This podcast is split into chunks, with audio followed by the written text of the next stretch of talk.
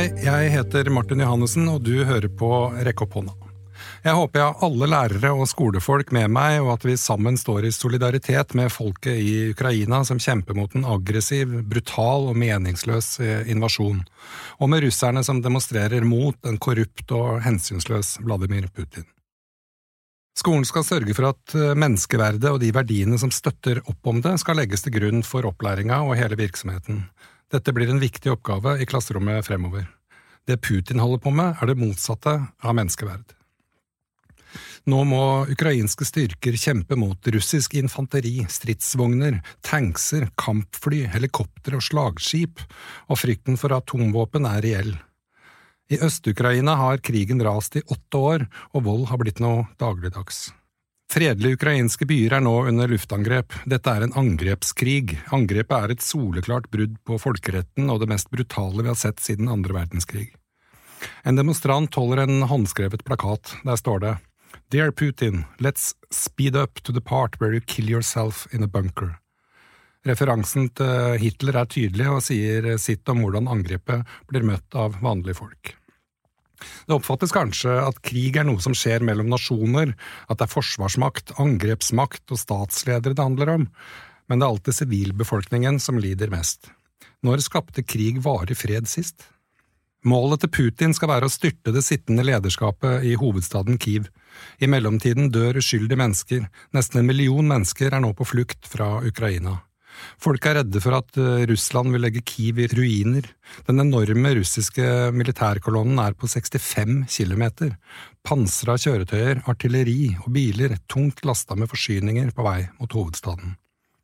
Over 400 sivile er bekrefta døde, ifølge FN og Redd Barna. Minst 14 av disse er barn. Det reelle tallet er sannsynligvis høyere og kommer til å øke. Tusenvis av soldater har blitt drept. Den ukrainske menneskerettighetsorganisasjonen Truth Hounds har dokumentert krigsforbrytelser og forbrytelser mot menneskeheten i Ukraina helt siden 2014. I dag er det en av Ukrainas største og mest anerkjente menneskerettighetsgrupper. Siden den russiske invasjonen startet 24. februar, har Truth Hounds samlet informasjon om krigsforbrytelser over hele Ukraina. I denne første rapporten dokumenteres og sannsynliggjøres blant annet angrep på sivile mål, som har resultert i sivile dødsfall og bruk av ulovlig krigstaktikk. UNICEF mottar også rapporter om at sykehus, skoler, vann- og sanitæranlegg og barnehjem står i brann i Ukraina. Barn blir drept, barn blir såra, barn blir traumatisert. Alle barn har rett til beskyttelse mot krig og konflikt, likevel ser vi at barnehager og sykehus blir angrepet. Og som alltid, det er flest kvinner og barn som må flykte, og den eneste måten å komme seg ut av landet på, er å gå langs landeveien. 100 000 barn og deres familier har flykta fra Øst-Ukraina siden mandag. Bare til Polen hjelper Røde Kors ved åtte grenseoverganger og tilsvarende til de andre nabolandene. 450 000 mennesker skal ha tatt veien over den polske grensa. I Ukraina var det før krigen brøt ut 850 000 internt fordrevne. Dette tallet øker, og FN rapporterer om at hundretusener allerede har flykta fra landet over landegrensene til Romania, Polen, Moldova, Slovakia og Ungarn. Men også innen landets grenser er det mange mennesker på flukt. FNs eh, høykommissær for flyktninger anslår at så mange som én million har forlatt hjemmene sine. Ifølge Redd Barna er 60% av disse barn og kvinner. Dessuten kommer det meldinger om at både voksne og barn med annet etnisk opphav enn ukrainsk, det vil si at de har melaninrik hud, blir nekta å krysse grensa til Polen for å søke om beskyttelse. Flukt til Polen er bare mulig for de hvite. Forfatter og rådgiver i Minotenk, Lisa Esohel Knutsen, skriver i Vårt Land. Internasjonale studenter og migranter med afrikansk bakgrunn rapporterer i disse dager om grov diskriminering idet de forsøker å ta seg ut av Ukraina. Det minner oss om at rasisme dessverre er et globalt samfunnsproblem som vi må kjempe mot hver dag. Vi må også huske på at på samme tid har Israel angrepet Syria fra lufta, Saudi-Arabia har gjennomført over 30 luftangrep i Jemen, og USA har skutt mot mål i Somalia. All krig er vold, krig er organisert drap. Vi er på vei mot århundrets største flyktningkryss i Europa, melder FN. All krigføring er brutal og meningsløs for de som blir rammet av den. Det er ingen vinner i krig, bare tapere. Vi må gjøre alt vi kan for å stanse krigen i Ukraina. Å jobbe for demokrati og demokratiske holdninger er alltid viktig, selv om det er fred i Norge. Som lærere og skolefolk må vi alltid sette menneskerettighetene øverst, sammen må vi fordømme angrepet, og samtidig snakke med elevene våre på en aldersadekvat måte. I klasserommet må vi kunne ta opp emnet på en tilpassa og ikke-skremmende måte, vi må snakke om at alle mennesker er like mye verdt og har de samme rettighetene, uansett. Konflikten mellom Russland og Ukraina har pågått i flere år. I nesten åtte år har folk på begge sider av kontaktlinja lidd på grunn av beskytninger, kamphandlinger, traumer og økonomiske problemer. Familier og lokalsamfunn har allerede vært splitta. Invasjonen vil forlenge og forverre den allerede uholdbare situasjonen. Mange elever i norske klasserom har nær familie fra og i Russland. Når vi snakker om invasjonen, er det viktig å understreke at ingen enkeltpersoner kan holdes ansvarlige for det som presidenten og militæret i Russland nå gjør. Ingen barn er ansvarlige for voksnes handlinger når det gjelder krig. Jeg sier det en gang til. Ingen barn er ansvarlige for voksnes handlinger når det gjelder krig. Allerede nå har det kommet meldinger om at russiske barn i barnehager i Norge har opplevd negative kommentarer fra de andre barna. På en skole i Bodø meldes det om at russisktalende barn i klasserommet kan oppleve å bli utnevnt som skyldig og måtte stå til ansvar for Russlands handlinger. Også flere andre steder i landet meldes det at barn og ungdom med russiske foreldre eller russisk opprinnelse opplever hets på grunn av krigen i Ukraina, bekrefter Redd Barna. Det bor om lag 4000 personer født i Norge med russiske foreldre, og rundt 1000 personer med ukrainske foreldre. Ingen av disse fortjener å bli hetset. Kanskje du har en klassevenn fra Ukraina eller Russland. Da kan det være fint å vise dem ekstra omtanke akkurat nå. Monica Sydgaard i Redd Barna sier Verken russiske barn i Norge eller russere flest har skyld for krigen som nå utspiller seg. Ingen ungdommer her til lands skal klandres på nett for hva som foregår i Kreml, og ingen barn i norske skolegårder skal mobbes for hva voksne personer velger å gjøre. Vi må gjøre vårt beste for å skjerme ukrainske og russiske barn, for å bli ansvarliggjort for voksnes handlinger. Som voksne må vi huske på at ordene vi bruker er med på å forme barnas holdninger. Vær bevisst på hvordan du snakker om krigen i Ukraina. Stygge kommentarer barn overhører, gjentas i skolegården og på sosiale medier. Verken russiske barn i Norge eller russere flest har skyld for krigen som nå utspiller seg. Krig er aldri barns feil. Det er også elever på skolen som har opplevd krigshandlinger mot nære pårørende andre steder i verden, blant annet på grunn av russisk militære. Det er viktig å ivareta alle sammen, samtidig som det gir nødvendig informasjon uten at det fremmer bekymring. Jeg har lyst til å sitere Sunniva Sandanger, som er daglig leder ved Nyskolen i Oslo. Eh, hun skriver i en e-post eh, til oss ansatte. Vi må snakke om verdien av demokrati, av dialog og av det å se mennesker som nettopp mennesker. Å humanisere verden handler om at ingen reduseres til egenskaper, etnisitet, nasjonalitet, legning eller andre sånne kategorier. Det er fint å snakke sammen om at konflikter alltid kan løses, at det alltid er mulig å tilgi, å komme seg videre og bygge nye relasjoner. Hun er i godt selskap. Selveste Dalai Lama tar til Facebook der han skriver Problemer og uenigheter løses best gjennom dialog. Ekte fred oppstår gjennom gjensidig forståelse og respekt for hverandres velvære. Det Putin holder på med, er det motsatte av dette. Så hvordan skal vi snakke med elevene våre om invasjonen av Ukraina? Du må finne ut hva elevene vet, og hva de har hørt, og snakke om ting de har sett på nyhetene, på TikTok, i nettaviser. Her er noen helt konkrete tips. Lytt til barna og gi dem muligheter til å spørre og snakke om hva det er de ikke forstår og er redde for eller lurer på. Husk at elevene får med seg mer enn du tror. Nyheter er ikke laga for barn, og de kan ofte få med seg bruddstykker av helheten, men klarer ikke å sette sammen hele bildet. Et utgangspunkt for samtale kan være avisoppslag som barna har sett, et nyhetsinnslag på TV, eller kanskje kjenner barnet noen som kommer fra området eller har slektninger der. Vær så konkret som mulig, unngå å bruke vanskelige ord og begreper. Små barn får ikke med seg hele konteksten og kan engste seg over det de ser, hører eller opplever at de voksne bekymrer seg over. De eldre barna kan forstå mer, men har også behov for å snakke om sine tanker og det de frykter. Trygg barna ved å fortelle om alt som nå gjøres for å finne løsninger på krigen og konflikten. Snakk om de voksnes ansvar og innsats for å få slutt på krig og vold.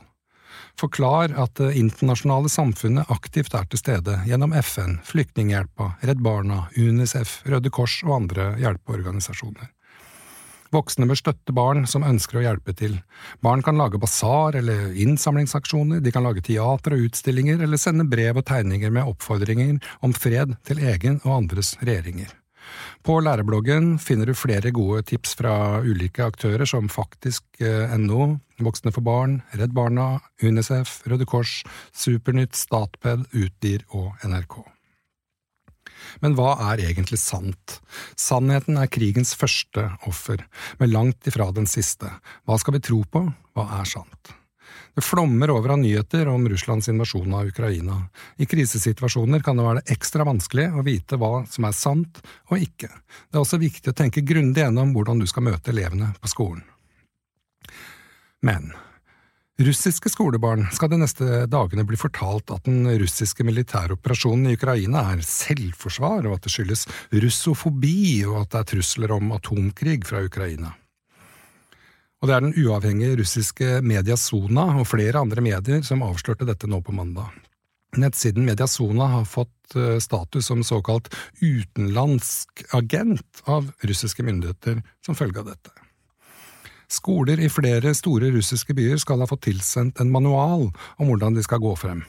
Løgnen om at Ukraina ikke var land før på begynnelsen av 1900-tallet står sentralt, og at Ukraina ble en uavhengig stat først ved Sovjetunionens oppløsning i 1991.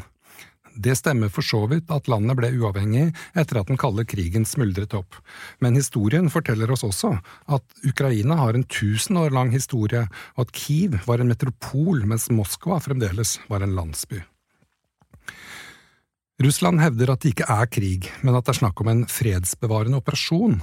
Her er et eksempel fra den manualen som eh, altså er sendt til russiske skoler, med spørsmål og svar. Spørsmålet er er dette en krig med Ukraina, og svaret er det er en, ikke en krig med Ukraina, men en spesiell fredsbevarende operasjon som har som formål å begrense nasjonalistene som undertrykker russisk den russisktalende befolkningen.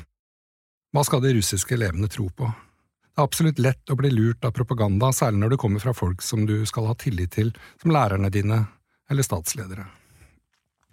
Russlands uprovoserte angrep på Ukraina møter støtte over hele verden. I mange av de store byene rundt om i verden arrangeres det støttemarkeringer, og de russiske ambassadene får besøk av sinte folk. Mens i Russland er mer enn 6400 demonstranter arrestert til nå. Det har vært protester i minst 60 byer i Russland, det krever stort mot å ta til gatene i Russland akkurat nå. Absurd nok forklarer Putin invasjonen av Ukraina med at nynazistene må bekjempes. I virkeligheten er det jo Russland som har tiltrukket seg høyreekstremister de siste ti åra. Journalist John Færseth skriver i Vårt Land. Putin hevder at Nato støtter ukrainske nynazister, Anklager om at fascister og nazister dominerer Ukraina med støtte fra vest, har sirkulert i russisk og prorussiske medier siden 2014 og er i stor grad propaganda. Ukrainas president Volodymyr Zelenskyj tryglet om fred i en TV-tale nå nylig. Han nådde ikke fram til Putin på telefon, så derfor så prøvde han seg med en bønn til det russiske folk, der han selv snakker russisk, og har spørsmålet Hvordan kan jeg være nazist? Han sier, Dere blir fortalt at vi er nazister, men hvordan kan en nasjon bli kalt nazistisk etter å ha ofret mer enn åtte millioner liv for å utrydde nazismen? Hvordan kan jeg være nazist? Si det til min bestefar som i hele krigen var i infanteriet i Den røde hær og døde som oberst i et uavhengig Ukraina. Russiske lærere og akademikere protesterer også mot krigen. 370 russiske vitenskapsfolk og vitenskapsjournalister krever stans av krigen i Ukraina. De frykter for både menneskeliv og forskningssamarbeid med resten av verden. Nå risikerer de å bli arrestert.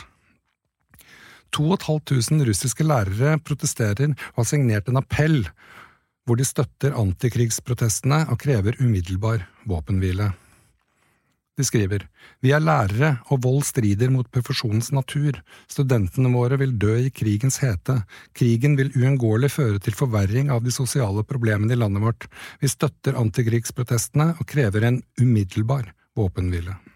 Den russiske forfatteren Gusel Yakina skriver i VG at dette ikke er hennes krig. I dag kjører russiske tanks over fremmed jord. Jeg kan knapt tro det. I hele mitt indre er jeg så dypt uforsonlig over dette at jeg har lyst til å hyle, sier hun. Det går ikke an å tie. Men derimot har den største russiske lærerorganisasjonen publisert sin støtte til invasjonen av Ukraina. De skriver Føderasjonen av Russlands uavhengige fagforeninger støtter skrittene som er foretatt av president for den russiske føderasjonen, Vladimir Putin, den politiske og militære ledelsen i Russland. Det er ikke til å tru. Lærerne i Russland som fordømmer angrepet på Ukraina, har altså ingen støtte i egen organisasjon. Organisasjonen er medlem av den internasjonale lærerorganisasjonen Education International, der også Utdanningsforbundet er medlem, og leder Steffen Handal sitter i styret. De skal ha et ekstraordinært styremøte seinere i uka, der de vil diskutere hvordan de skal reagere på den russiske organisasjonens synspunkter. Både Finland og Ukraina ber Education International om å kaste det russiske lærerforbundet ut av organisasjonen. Avgjørelsen blir sannsynligvis tatt denne uka. Steffen Handal sier vi synes det er sterkt kritikkverdig at den russiske hovedorganisasjonen som kaller seg uavhengig, støtter angrepet på Ukraina og gjentar blindt Putins retorikk. Education International har foreløpig ikke tatt stilling til om de russiske organisasjonene bør ekskluderes, eller om det er andre tiltak som kan være aktuelle for å vise at man tar avstand fra deres handlinger. Lærerorganisasjoner over hele verden står samla i solidaritet med Ukraina. Education International skriver Russlands angrep på Ukraina er uakseptabelt. Lærere over hele verden står sammen med våre kolleger, studenter og lokalsamfunn i Ukraina og fordømmer invasjonen.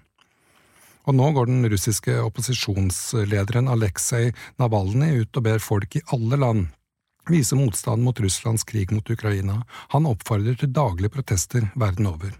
Vi kan ikke vente lenger, sier han, hvor enn du er, i Russland, Hviterussland eller på den andre siden av kloden.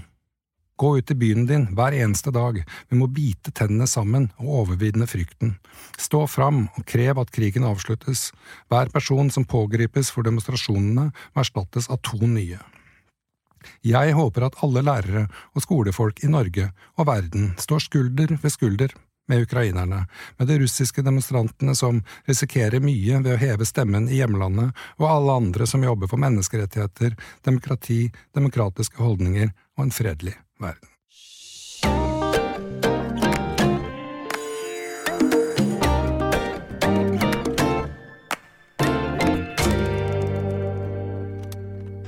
Produsert av Ordet